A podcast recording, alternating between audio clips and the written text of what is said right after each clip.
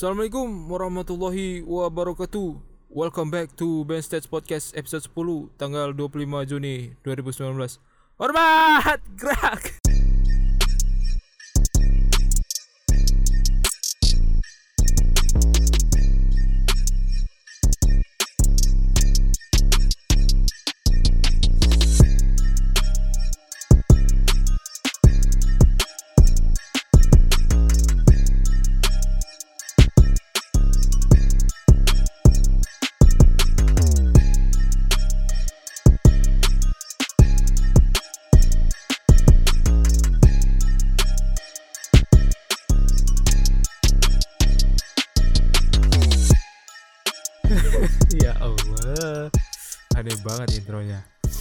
Oke. Halo teman-teman. Iya. Hari ini, minggu ini, be- eh, hari ini Ben State siaran lagi. Bagi teman-teman yang mungkin baru pertama kali berkunjung atau mendengarkan Ben Stats Podcast, sebenarnya Ben Stats Podcast ini apa sih? Ben Stats Podcast ini sebenarnya isinya ya bisa dibilang bincang-bincang ringan lah tentang fenomena di sekitar kita terutama ya saya sekarang umurnya sekitar 20-an ya. Ya, omongan-omongan orang-orang yang berumur 20-an tahun gitulah. Entah itu tentang pertemanan, tentang kepemudaan dan juga di sini kita juga akan membahas tentang self improvement. So, eh, mulai sekarang Beses Podcast akan berusaha untuk tetap posting. Jadi untuk tetap record untuk melatih diri yang sangat-sangat tidak disiplin ini. Mudah-mudahan dengan ini semuanya bisa berubah, bisa jadi lebih disiplin dan juga continue dalam eh, memposting konten-konten yang berma- bermanfaat. Amin ya Allah. Em, kemarin saya terpikir akan satu hal ya tentang pertemanan. Jadi lo kok jadi sedih gini? Ini nggak sedih pembahasannya. Eh, teman-teman sadar nggak kalau misalnya seiring bertambahnya usia kita, seiring kita bertumbuh mendewasa, hubungan pertemanan kita tuh akan semakin rumit, akan semakin pelik gitu ya. Dan juga mungkin di antara teman-teman dan juga saya sendiri pun merasakan bahwa lingkaran pertemanan itu semakin tua itu semakin sempit. Eh, kita samakan perspektif dulu. Teman menurutku adalah orang yang akan kita habiskan waktunya, orang yang nyaman diajak berbicara, orang yang nyaman untuk diajak eh, bekerja sama. Dan tentunya dia enggak menceritakan kita di belakang atau sama sekali tidak pernah menjelekan diri kita. Kalaupun dia menjelekan, dia akan menjelekan di depan-depan kita gitu. Misalnya ngejek atau apa. Nah, itu menurutku arti sebuah teman. Kembali lagi pada tadi, pertemanan kita semakin sempit.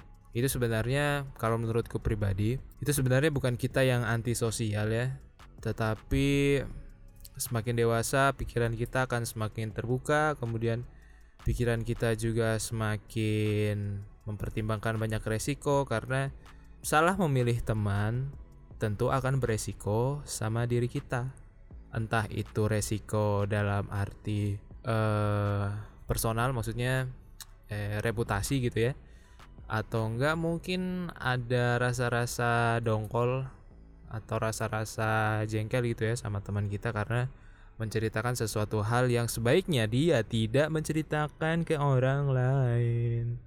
Jadi itu keduanya itu kita merasa insecure. Jadi kita mulai selektif memilih-milih teman.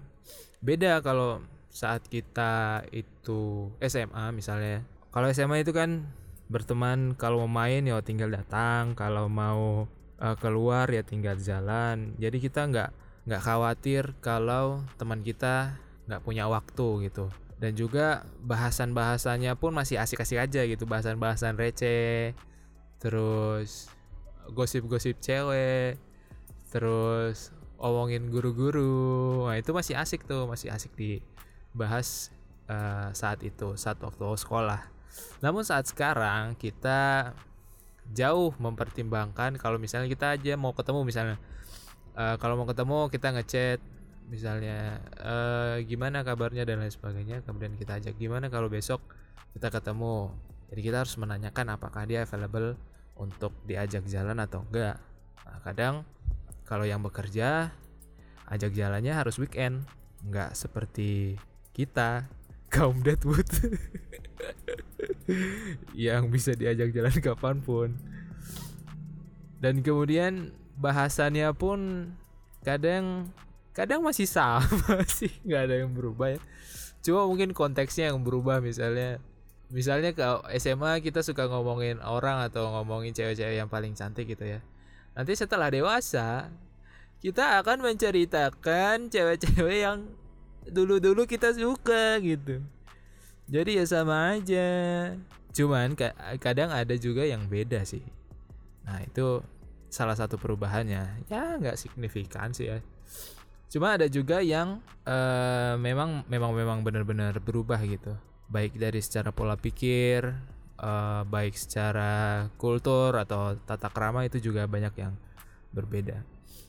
Dan kalau misalnya kita sadari bahwa kadang kalau kita nongkrong gitu ya kita nongkrong misalnya di suatu kafe gitu kadang kita membahas satu hal yang menurutku egosentris. Egosentris tuh kadang kita nggak tahu nih memposisikan diri dalam tongkrongan bahwa tongkrongan itu ada orang banyak, tongkrongan itu masih ada yang belum bekerja, tongkrongan itu masih ada yang belum berpenghasilan misalnya. Nah, kita kadang terlalu excited gitu ya. Kadang kita yang mungkin sudah berkecukupan, kemudian sudah berprogres jauh, misalnya sudah punya kerja, sudah punya penghasilan, bahkan mungkin sudah punya anak, kita kadang menceritakan ya pencapaian-pencapaian kita, perjuangan-perjuangan kita yang sebenarnya kalau dipikir-pikir orang lain kagak peduli. Yang orang lain butuhkan dalam sebuah tongkrongan itu adalah sebuah penerimaan, sebuah pertemanan bahwa kita nongkrong, ini kita ingin ya berbicara hal-hal yang mempererat pertemanan, bukan hal-hal yang berujung pada pamer, pamer dan pamer. Itu mungkin kalau misalnya pembahasan itu dibahas pada orang yang levelnya sama gitu ya kan kita nggak tahu apakah orang itu sudah uh, sama kondisinya dengan kita. Apabila tidak tentu tongkrongan itu tidak mungkin terjadi lagi karena orang yang akan tersinggung dia tidak bakalan datang ke dalam tongkrongan itu. So uh, kita nongkrong gitu ya. Ya kita bahas sesuatu yang sekiranya tidak menyinggung dirinya gitu karena ya kita menjaga hati orang lain agar nggak minder atau kita menjaga agar silaturahmi itu tetap berjalan dengan baik gitu. Ada beberapa hal sih yang yang saya sering lakukan dalam tongkrongan misalnya. Uh, saya kalau dalam uh, nongkrong gitu ya dalam nongkrong apaan dalam nongkrong. Uh, kalau ngumpul-ngumpul gitu ya saya biasanya menghindari pertanyaan-pertanyaan yang template pertanyaan-pertanyaan yang semua orang pasti akan menanyakan hal itu saat pertama kali. Di samping bertanya kabar ya karena bertanya kabar itu uh, basa-basi yang sudah pas lah. Kan masa kita pertama ketemu langsung kita tanya eh eh udah kerja belum? Eh udah nikah belum? Kan nggak gitu. Kan paling assalamualaikum. Eh bro bagaimana kabar? Sehat-sehat alhamdulillah dan lain bla bla bla bla bla Nah biasanya kalau nggak muncul dengan pertanyaan template, saya biasanya kan al alhamdulillah teman-teman saya itu pada ini ya, maksudnya pikirannya juga dewasa gitu ya. Mudah-mudahan. Jadi kalau memulai obrolan atau membuka obrolan itu biasanya saya mulai dengan kuliah di jurusan apa. Karena menurutku pertanyaan ini adalah pertanyaan yang sangat-sangat netral kalau menurutku. Karena kadang kalau kita tanya orang tanya kampusnya di mana kadang orangnya mungkin belum tersinggung ya. Misalnya e, bro kamu kuliah di mana? Gitu. Saya kuliah di teknik mesin di kampus misalnya Akprin gitu ya. Terus ketika kita tanya kuliah di mana? Dia jawab Akprin. Terus dia nanya lagi tahu Akprin gak kita jawab nggak tahu itu pasti muncul benih-benih ketersinggungan meskipun kita tidak menyadarinya. Maksudnya kita nggak tahu ya kadar ketersinggungan orang ya. Kadang mungkin sebagian teman-teman untuk pertanyaan-pertanyaan itu uh, udah bodoh amat ya. Saya juga semenjak lulus tuh kadang masih gedek gitu ya. Maksudnya kenapa sih nanya-nanya yang template? Kenapa sih nanya-nanya kapan lulus? Kenapa sih nanya-nanya udah kerja belum? Sampai akhirnya saya menyadari bahwa pertanyaan itu tidak akan pernah hilang. Jadi ya sudah bodo amat kalau ada yang mau nanya. Ya kalau misalnya kalian nanya uh, udah udah bekerja belum bakal bakal saya jawab dengan dengan baik ya tanpa ada rasa ketersinggungan gitu ya. Karena ya mau gimana lagi pertanyaan itu akan terus membayangi diri kita. Balik lagi ya tadi tadi sampai mana sih? Eh ah tuh tadi yang nanya kampus misalnya. Terus yang kedua misalnya kalau dia menjawab dia udah jurusan apa biasanya percakapan tersebut akan mengalir dengan dengan normal gitu ya dengan senang hati dan saya yakin beliau yang diajak bicara pun akan menjadi dua arah. Nah, percakapan awal itu yang membuat orang itu nyaman sama kita sehingga ketika kita mulai untuk menusuk ke pertanyaan-pertanyaan yang template insya Allah orang tersebut tidak merasa tersinggung.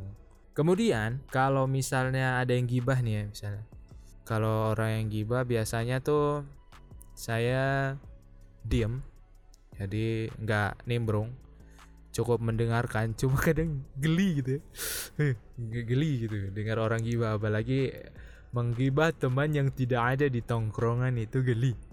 Jadi kadang saya diem, nanti kan gibahnya selesai tuh. Gibahnya selesai nah nanti baru saya masuk lagi menjajal pertanyaan atau ya nanya-nanya yang sekiranya tidak mengarah ke gibah atau membicarakan orang lain. Cuma saya masih belum tahu kalau menghindari kelompok-kelompok gibah yang memang orang-orangnya suka menceritakan orang lain sehingga saut menyaut menjadi satu itulah Indonesia.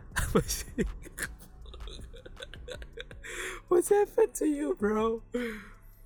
Itulah pokoknya itu yang susah menghadapi orang yang hobi gibah terus lagi barang gitu ya waduh itu sangat-sangat menguras tenaga dan kita juga sudah merasa mencari teman itu susah-susah gampang ya. Maksudnya misalnya kita lahir di sebuah daerah gitu misalnya kita lahir di Sorong gitu ya. Kita udah punya teman banyak nih. Kita udah punya teman banyak dari berbagai macam sekolah dulu gitu kan. Terus semakin kita mendewasa kita banyak mendengar tuh berita-berita yang berseliweran di telinga kita. Dan kita tahu bahwa oh si A ternyata sekarang begini sekarang begitu dan lain sebagainya. Dan sampai akhirnya teman-teman yang dulu sangat dekat dengan kita lama-lama akan tersisihkan. Tersisihkan karena ya mungkin kita nggak merasa cocok gitu ya. Atau mungkin dia nggak merasa cocok dengan kita. Entah mungkin kita ada salah yang kita nggak tahu atau kita mungkin dulu kelepasan menceritakan sesuatu aibnya gitu. Kita membuka peluang untuk mencari teman-teman yang baru. Nah mencari teman-teman yang baru itu gampang-gampang susah. Gampangnya adalah kita bisa berteman dengan semua orang kita bisa berteman pada semua umur manusia jadi bapak-bapak pun uh, seumur kita ya seumur 20-an ini bisa menjadi teman. Namun, teman yang frekuensi itulah teman yang sulit. Karena teman yang sefrekuensi itu menurutku tuh sangat-sangat penting ya karena seperti pepatah lama bilang, kalau kita bergaul dengan si penjual minyak wangi, badan kita akan wangi. Sedangkan apabila kita berteman dengan pandai besi, ya baju kita akan bau asap atau bahkan kemungkinan terbakar gitu. Nah, kadang teman-teman sefrekuensi inilah yang akan menjadi cerminan diri kita. Jadi kalau misalnya teman-teman mau mengetahui kepribadian teman yang menjadi target teman nanti, ya lihat teman-temannya. teman-teman teman-teman banyak amat. Ya lihat teman-temannya. Jadi bagaimana dia bergaul dengan temannya, karakter temannya dan lain sebagainya. Karena ketika orang misalnya, misalnya cowok nih ada cowok cowok cantik sama eh cowok cantik, aduh cowok ganteng sama cewek cantik meskipun dua-duanya itu punya kelebihan dan kita melihat cocok gitu ya tapi kalau nggak sefrekuensi nggak bisa bro karena frekuensi itu semacam apa ya kalau sefrekuensi itu kalau kita ngobrol itu bakal nyambung kemudian kita akan excited sama topik yang kita bahas atau topik yang dia bahas gitu terus kita akan fokus mendengarkan kemudian percakapan-percakapan yang kita hasilkan tuh biasanya percakapan-percakapan yang dalam gitu. Percakapan-percakapan yang bukan hanya di atas permukaan aja. Bisa tentang kehidupan, bisa tentang pekerjaan, bisa tentang peluang-peluang dan lain sebagainya. Dan satu hal lagi, ketika kalian berteman atau memiliki teman yang sefrekuensi, biasanya kalau pulang-pulang nongkrong tuh itu biasanya bahagia. Kemudian biasanya tuh uh, merasa terinspirasi. Jadi ingin berbuat sesuatu ketika kita bertemu dengan teman-teman frekuensi. Namun bedanya kalau kalian berteman dengan orang-orang yang tidak sefrekuensi, ya otomatis nggak nyambung. Ya otomatis kita ngobrol seperti ya rasanya seperti buang-buang waktu gitu ya. Gak enak lah pokoknya. Apalagi kalau misalnya kita misalnya reuni nih reuni kamp eh reuni kampus atau reuni sekolah gitu kan wah kita berada dalam kumpulan orang-orang yang misalnya suka menceritakan orang lain pokoknya orang-orang yang memiliki energi-energi negatif itu kadang energi kita pun akan tersedot gitu ya terserap. Eh terkuras bukan terserap terkuras. Jadi kita pun pulang-pulang kok kita nggak ngapa-ngapain tapi kok capek gitu. Pulang-pulang kok eh pulang-pulang kok pulang-pulang kok pengen ngedumel pulang-pulang kok dapat gibah yang baru gitu. Nah itu kalau kita berteman dengan teman yang gak sefrekuensi. Karena kalau kita bilang kita harus berteman secara nyata gitu ya. Di dunia maya pun model-model temannya pun itu sama. Dalam artian sama itu ya kelakuannya sama gitulah. Uh, yang bertanya hanya karena mungkin kita punya sesuatu ya. Misalnya misalnya si A nih si A sudah kerja di mana-mana gitu kan wah dia posting foto set nah, kemudian temannya yang lain itu kadang ngomongin di belakang kemudian kadang komentar sinis terus kadang uh, fake fake apa ya? Pujian-pujian yang fake gitu loh. Itu kan menurutku sama aja sih. Dan dari berbagai sosial media nih saya punya gambaran gitu ya punya punya semacam analisis sederhana gitu bahwa misalnya kalau teman-teman yang seusia seusia saya sekitar 20-an tahun itu kalau melihat Facebook gitu ya Facebook itu karakter orang-orangnya itu kebanyakan orang dewasa orang dewasa yang main Facebook dalam artian dewasa tuh sekitar 30, 40, 50 tahun lah itu orang-orang kalau aku bilang orang-orang tua lah yang main Facebook Terus kemungkinan unsur pamernya itu tinggi kalau di Facebook. Karena apa? Banyak sekali postingan-postingan di Facebook di beranda saya ya. Itu kadang kalau misalnya reunian nih, itu reunian misalnya ketemu di jalan gitu ya, ketemu di jalan ini orang berseliweran di belakangnya nih. Itu di foto, di foto terus diupload, diupload di Facebook dan di Facebook itu nggak difilter. Jadi apa yang ada di kamera itu langsung diupload di Facebook. Jadi seakan-akan dia tuh pengen pamer ini kita ketemu nih di jalan gitu kita ketemu di jalan yang crowded gitu nah what? Maksudnya orang bisa bisa segitunya gitu loh. Apakah kalian harus butuh pengakuan bahwa oh kalian bertemu ya. Oh kalian bahas apa bla bla bla sebenarnya kan ya ketemu ketemu aja. Nggak usah upload di samping jalan. Kalau misalnya mungkin ketemuan acara reuni kemudian backgroundnya ada uh, spanduk gitu ya it's okay bro. Tapi kalau di jalan men panas taksi di belakang bro. Ya Allah. Itu tuh. Uh, nggak semuanya ya. Uh, by the way ini nggak semua orang seperti itu. Cuma umumnya dan kebetulan mungkin orang-orang yang saya ikuti itu seperti itu. Kemudian ingin ditahu sekarang dia lagi apa gitu. Di Facebook kan ada banyak fitur ya.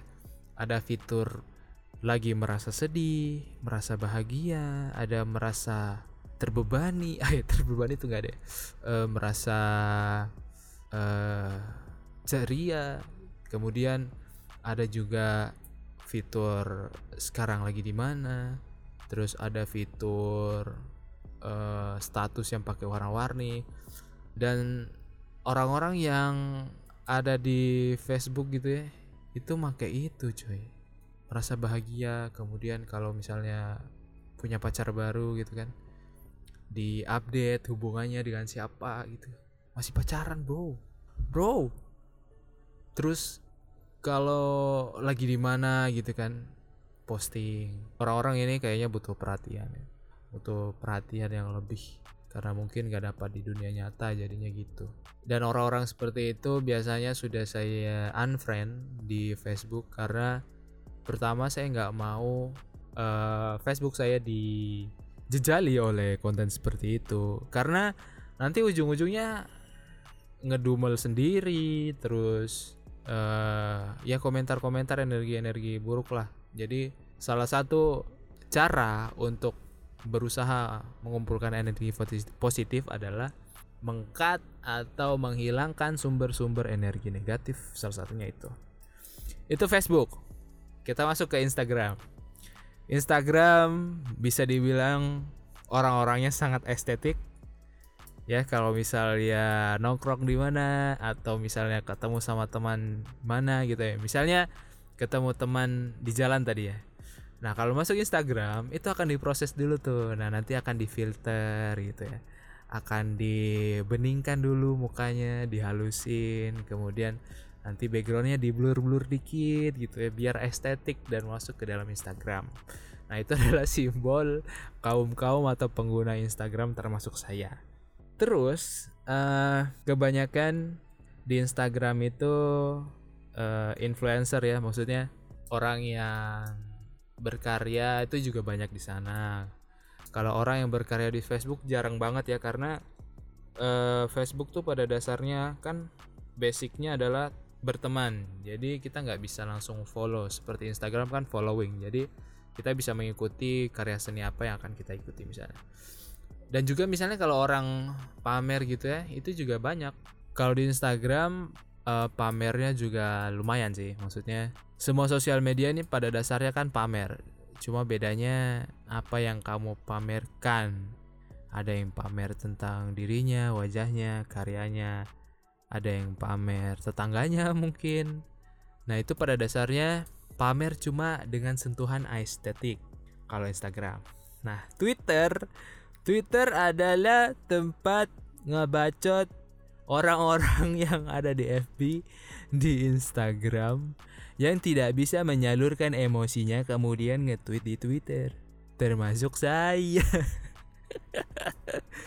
Jadi Twitter itu orang kadang personal banget gitu cuy. Personalnya tuh kadang uh, dia komentar misalnya ada berita gitu ya. Berita apa gitu langsung di posting di Twitter. Misalnya nonton TV terus nonton TV acaranya misalnya acara Uya Kuya. Nah, terus nanti dia ngedumel tuh di Twitter. Uh, personal banget lah Twitter tuh. Jadi kalau kalian mau tahu aslinya orang-orang FB dan orang-orang Instagram itu buka aja Twitternya kalau masih aktif. Nah itu biasanya sehari mungkin hampir sejam dia nge-tweet. Cuma nggak semuanya sih. Ada beberapa yang nggak kayak gitu juga. Itu analisis sederhana ketika saya memakai ketiga sosial media itu. Dan saya udah rasain kalau memakai sosial media terlalu banyak pun itu akan berdampak apa ya berdampak baik secara langsung atau tidak langsung kepada diri kita sendiri. Karena judge orang, judge teman-teman kita yang tidak pernah tidak pernah ketemu dengan kita itu semua sumbernya adalah di media sosial. Jadi kalau kalian pengen diketahui sebagai orang sukses, ya kalian cukup posting aja di Instagram kalian tentang ya lagi di mana, lagi di gedung mana, lagi di kantor mana, lagi di pulau mana, jalan-jalan dan lain sebagainya. Insya Allah semua followermu akan percaya karena kebanyakan orang lebih percaya sosial media dibandingkan kenyataannya. Apalagi kalau misalnya hal-hal yang sangat privacy ya. Misalnya tentang hubungan kita dengan siapa gitu ya. Dengan pacar kita atau misalnya hubungan tentang suami istri gitu ya. Maksudnya maksudnya uh, bukan hubungan itu. Maksudnya hubungan tentang uh, kemesraan misalnya berdua di mana gitu kan. Kadang apa ya orang berspekulasi kemudian omongan orang di belakang itu nggak enak cuy. Jadi sebaiknya biarkanlah orang berspekulasi tanpa adanya data dibandingkan dia menceritakan kita berdasarkan apa yang dia lihat. Jadi ya udah biarin lah karena mau gimana lagi. Orang orang-orang kayak gitu bakal ada terus. Ya jadi kita nggak bisa kontrol orang lain tetapi kita bisa kontrol reaksi kita kepada orang lain gitu. Jadi yang ingin saya katakan adalah pertemanan itu punya etika. Pertemanan itu punya seni, pertemanan itu punya tata krama. Jadi dengan itu kita bisa mendekati seseorang, kita bisa menjadi sahabatnya seseorang, kita bisa menjadi temannya seseorang, bisa juga kita menjadi musuh seseorang. Karena ada teman yang menjadi sahabat baik berubah menjadi musuh karena pertama mungkin komunikasi yang kurang baik, terus lebih percaya pada omongan orang lain sampai akhirnya pertemanan pertemanan itu putus. Dan kalau misalnya kita sudah mendapatkan teman yang sekiranya baik untuk kita, ketika kita melihat dia, ketika kita ngobrol dengan dia, dia memberikan efek positif. Nah, jagalah teman-teman kalian itu karena teman-teman yang seperti itu bisa saya bilang sedikit atau nggak banyak teman yang bisa seperti itu apalagi teman itu sudah mau membagi keluh kesahnya ke kita maksudnya saling ya susah senang bersama lah itu yang menyebabkan uh, kita bahagia di kemudian hari karena kita akan uh, lebih banyak berhubungan dengan teman-teman kita yang dulu teman-teman yang baik circle-circle kita yang baik. Oke saya rasa cukup dulu. Udah berapa menit? Waduh udah 31 menit. Band stage podcast mengudara. Semoga band stage podcast akan selalu menginspirasi akan selalu berbagi cerita dan juga jangan lupa teman-teman kalau misalnya mendengarkan podcast ini berikanlah komentar. Apa susahnya sih berikan komentar? Jadi kadang kalau di Spotify gitu ya ada. Hari ini tadi saya ngecek untuk episode 9 itu ada 6 yang ngeplay gitu. Uh, untuk teman-teman yang enam orang ini saya tuh pengen maksudnya pengen sapa kalian atau ya sebagai apa ya motivasi gitulah wah ternyata ada orang yang mendengarkan band stage kemudian berkomentar kemudian mungkin suka ataupun kalian mau memberi kritik, Ben Stage Podcast akan sangat terbuka terhadap kritikan dari kalian. Um, itu saja mungkin dari saya. Selamat menjalani hari-hari. Saya Om Ben. Uh, take a position. Assalamualaikum warahmatullahi wabarakatuh. Tchau.